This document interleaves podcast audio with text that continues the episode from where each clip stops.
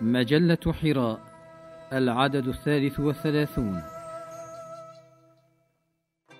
فرسان الأمل بقلم الأستاذ إسلام العدل.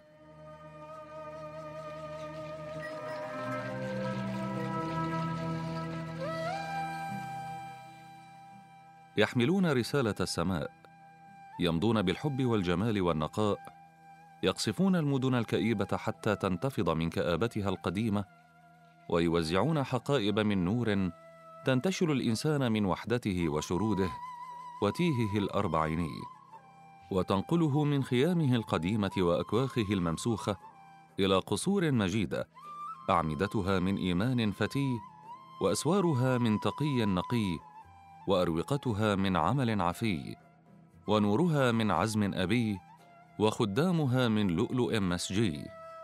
قصور تشتاق سكانها بقدر اشتياقهم. إن علموا أنها هنالك من أجلهم هم. إنهم فرسان آمل يرفعون راية محبة وسلام ويغزلون ثوب سكينة واطمئنان. يعزفون على أوتار الكون أغنية جمال تهدئ روع العالم المرتبك في أوهام المادة. والمقلوب قهرا تحت راية وجهها القبيح والمستتر مجازا في أثمالها الرثة. إنهم حملة رسالة النور ومهندسو الضياء. حياتهم كلها لحظات مخاض يتألمون وحدهم ويتأملهم غيرهم في أمل غير منته لرؤية ثمار ذلك المخاض العظيم والانتفاع الكوني بها. نعم حياتهم لحظات مخاض عظيم يحملون فيها كل آلام الكون وكل هموم أهل الأرض في سعيهم الدؤوب للارتقاء بالإنسان نحو الكمالات الإنسانية والسمو به فوق أثمال المادية التي تجثم على صدره وتثقل كاهله وتدمع عينيه. علهم في سعيهم الدؤوب المتفرد بنقائه يصيبون ذرة من رضا الله عن هؤلاء الذين بايعوه تحت شجرة من مئات السنين أو يلمحون نظرة في عيون رسول الله صلى الله عليه وسلم تنبئهم بشفاعة منه.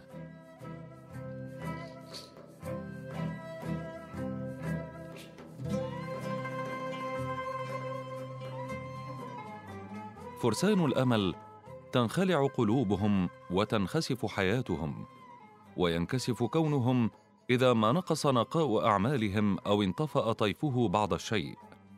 فهم يؤمنون بأن النقاء ليس نورا من القلب يصاحب كل فعل وقول يصدر منهم ولا يعكر صفوه إلا كل تعكر يشوب ذرة من إخلاصهم أو يمس ذرة من تجردهم المحمدي في رحلة سيرهم إلى الله تعالى في مواكب العشق والجمال. نعم يؤمنون أن الدعوة رحلة حب ومسار عشق وحملة ود للأغيار في حثهم للانضمام لمواكب الجمال السائرة إلى الله وليست ميدان حرب أو أرض صدام.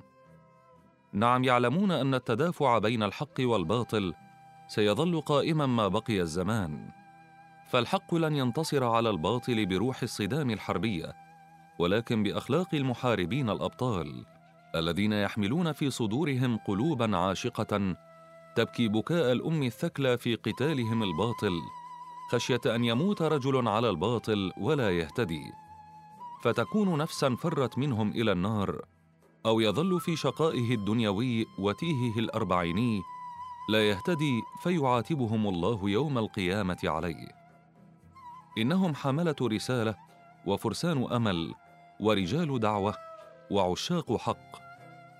أينما حلوا حلت البشرى وتلألأت من حولهم آيات الفتح وتباشير الانتصار إني أراهم الآن رأي العين يحملون راية خفاقة. ويملأني الأمل أن يقبلوني خادما في ركابهم علي يصيبني بعضا من حب الله لهم المرسوم في نور وجوههم وجمال أعمالهم ونقاء ثمارهم فهلا يقبلوني؟